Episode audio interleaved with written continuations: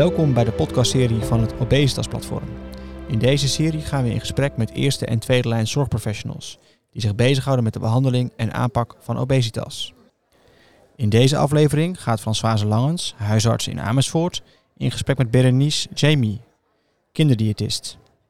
Hi Berenice, leuk dat je eventjes tijd hebt kunnen vrijmaken voor ons, uh, voor deze podcast. Graag gedaan. Ja. Um, hoe ben je eigenlijk ooit op het idee gekomen om diëtist te worden, om kinderdiëtist te worden? Of waarom heb je interesse in overgewicht en obesitas? Ik zag in de praktijk dus veel mensen met uh, diabetes type 2, dus uh, mannen, vrouwen en eigenlijk die waren ook ouders van, uh, van kinderen. En wat ik vond heel erg opvallend, op een moment in het gesprek met, dus met de patiënt kwam de vraag van, joh, mijn kind heeft ook overgewicht eigenlijk. Uh, kunnen we dat ook bespreken? Of uh, kan ik hem uh, of haar meenemen één keer en kunnen we ook wegen? En misschien kan je tips geven. Dus ik dacht, ja, hartstikke goed eigenlijk. En daar ben ik dus ingegaan. Dus in het gesprek natuurlijk met, met de ouders en met een kind. En ik vond het heel interessant om te zien eigenlijk wat je kan bereiken eigenlijk binnen een gezin. Ja. Dus uh, daar heb ik besloten eigenlijk om uh, mezelf te specialiseren op uh, kinderdiëtetiek en namelijk kinderen met overgewicht. Wat is nou anders aan een gesprek met een kind dan met een volwassene? Ik kan dat wel een beetje invullen, maar mogelijk weet jij veel interessanter dat te vertellen. Het is afhankelijk van de leeftijd van het kind eigenlijk. Met uh, jonge kinderen, wat is heel leuk, ze zijn heel erg receptief als je op een speelse manier, visuele manier uh, over voeding spreekt. Ze krijgen natuurlijk wat lessen op school, dus ze zijn wel gewend schrijven van vijf. maar je wat spelletjes doen, um, quiz doen, dus dat vinden ze leuk. Ze zijn dus heel erg receptief, ze willen het ook goed doen. Um, wat, uh, wat ik vind ook leuk aan kinderen, we hebben zelf uh, leefstijlinterventie, uh, leefstijlprogramma ontwikkeld voor kinderen. En namelijk, we hebben eigenlijk Kick School Fit zijn. Dat is een programma voor kinderen tussen 8 en 12 jaar. En daar doe ik bijvoorbeeld kooklessen in dit programma. En wat is ontzettend leuk, alle kinderen eigenlijk dus moeten uh, alles proeven. Dus ze hoeven niet alles op te eten, maar proeven, dat is wel regel nummer één. Dus ik ken de regels hartstikke goed. En uh, we koken van alles wat met, uh, met groenten. En dat is ongelooflijk eigenlijk. Uh, dat is natuurlijk de groepseffect. Maar tussen elkaar gaan ze ook natuurlijk over hun eigen overgewicht praten. Wat is lastig, wat is niet lastig. Maar ook over smaakontwikkeling. Oh, oh, dat vind ik lekker, dat vind ik niet lekker. Oh, proef maar zo, op deze manier is wel lekker. En daar kan je op deze manier, zijn veel meer open dan, dan volwassenen op, voor de smaakontwikkeling in ieder geval. Ja, en dat is ook een leuke manier. Hè? Het is meer positief kijken eens hoe leuk koken is of hoe ja. lekker het kan zijn. In plaats van puur van je ja. moet afvallen en uh, alles wat ja. niet mag. Absoluut. En daar bereik je ook indirect eigenlijk het gezien. Want uh, wat ik merk, heel veel mensen uh, kunnen niet goed koken, weten niet eigenlijk hoe dat moet. Dus uh, wat we leren bijvoorbeeld met de kinderen soep, groente soep maken bijvoorbeeld. Of uh, echt fruitsalaat, maar echt een fruitsalaat maken. Ze weten niet eigenlijk hoe en wat. Hoe kan je afwisselen. En dan nemen ze thuis. Dus we doen altijd aan het eind van de les bijvoorbeeld een proef ook met de ouders. En, en dan zien we ook eigenlijk ouders af en toe die zeggen van oh, dat lust ik niet.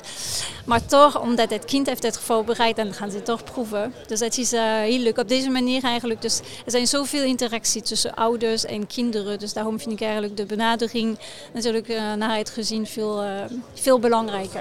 Ja, ik begrijp eigenlijk dat die kinderen af en toe hun ouders weer helpen om gezond te eten. Absoluut. Ja, ja. Het is tweerichtingsverkeer. Ja. ja. Ik heb zelf gehoord dat uh, kinderen, misschien volwassenen ook, maar ook of adolescenten met overgewicht of obesitas, heel erg de schuld bij zichzelf leggen. Herken je dat? In principe, um, ja, in principe wel, wel en niet. Er zijn adolescenten zijn ook, uh, die geven ook de, de fout een uh, ja, externe factor. Uh, mijn moeder die, weet je, die maakt frietjes iedere dag, want ze werkt te laat of dit en dat. Of uh, ja, ik heb geen tijd om, om te lunchen op school. Dus ja, als ik naar huis ga, dan weet je, haal ik een shawarma of weet ik veel. Uh, dus er zijn ook dit soort kinderen, maar er zijn inderdaad kinderen die, um, die zich schuldig uh, aan vinden. En daar is natuurlijk de risico op uh, eating disorder. Dat hebben we ook in deze congres gehoord.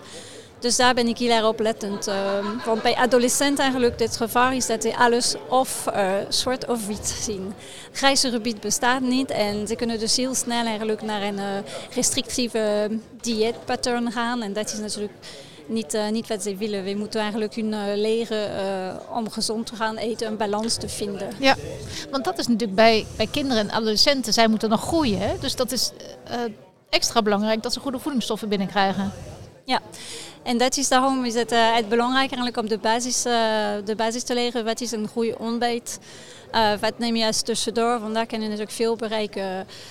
Uh, en nog steeds natuurlijk voor de botontwikkeling, dat vind ik nog een, uh, iets die onderschat wordt. Uh, in deze tijd van de maatschappij dus wordt het accent ge, gelegd op minder vlees eten, minder meer plantaardige producten eten en drinken. Maar daar wordt ja, wordt heel vaak dus de calcium vergeten. Ja. En je merkt adolescenten bijvoorbeeld, die, die drinken geen melk meer. Nee. Het is niet cool. Nee, nee dus daar moet je extra aandacht aan besteden. Ja, precies, ja. Dus ja. het is eigenlijk per, ik zou zeggen, per leeftijd uh, moet je wel de nadruk uh, leggen op uh, ja, wat is te doen, wanneer kan je eten, de gezonde snackjes. Ja. Wat ik ook wel veel moeders hoor zeggen van ik vind het lastig, hè, want ik wil niet mijn kind steeds zeggen, oh pas op, pas op, pas op. En van de andere kant wil ik wel dat mijn kind niet te zwaar wordt. Wat zou je tegen zo'n moeder zeggen? Ik zou zeggen, eigenlijk uh, af en toe is het goed om grenzen te stellen. Want het brengt ook uh, veiligheid naar een kind eigenlijk. Als je altijd uh, een kind laat doen wat, wat hij, wat zij wilt, voelt het kind eigenlijk ook zeer niet minder veilig. Ah, het is een soort psychologisch gevoel. maar als je weet wat je eraan toe bent, dat mag, dat mag niet.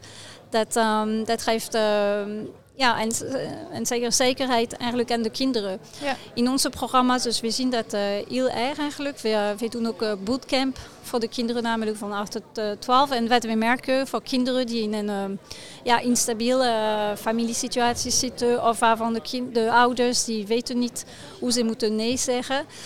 Uh, we merken bijvoorbeeld bij de bootcamp, we hebben een heel sterke man die de les geeft. En dat is echt duidelijk, dat is goed, dat is niet goed. En, en de kinderen, die, het is ongelooflijk, de kinderen die zo in een instabiele situatie zitten, die, die, die worden er eigenlijk ja, sterker, maar ook mentaal sterker. Die voelen zich zeer beter.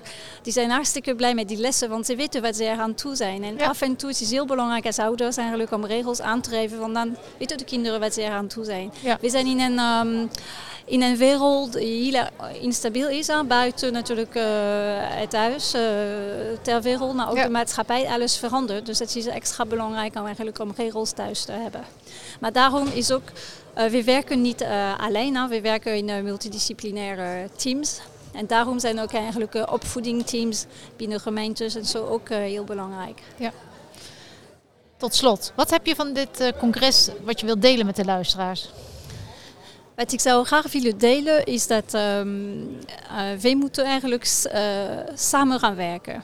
Dus uh, dat betekent dat de kinderarts, uh, de diëtist, de kinderfysiotherapeut, de psycholoog eigenlijk, die, die vormen één team. Maar niet alleen eigenlijk. We werken ook met natuurlijk binnen de maatschappij, binnen de gemeentes moeten we ook met opvoedingsteams, zoals ik noemde, jeugdverpleegkundigen. Dus wij moeten eigenlijk ons netwerk steeds groter maken. En niet bang zijn eigenlijk om iemand te roepen van, hé, hey, ik heb een probleem, ik heb een kind en het lukt gewoon niet. Um, daar moeten we ook open voor zijn. En samenwerken, door het samenwerken kunnen we eigenlijk open communicatie houden en de patiënten veel beter helpen. Leuk, samen en uh, daar komen we veel verder mee. Absoluut. Ja, hey, heel erg bedankt voor dit uh, gesprek. En uh, nou, we vragen je graag nog een keer als, je weer, als we weer een congres hebben, want leuk om van je te leren. Hartstikke bedankt. Tot ziens. Tot ziens. Ga voor meer informatie, nieuws, webinars en e-learnings naar www.obesitasplatform.nl en meld je aan voor de maandelijkse nieuwsbrief. Volg ons via LinkedIn en Twitter en abonneer je voor deze podcastserie via Apple Podcast of Spotify. Heel graag tot de volgende aflevering.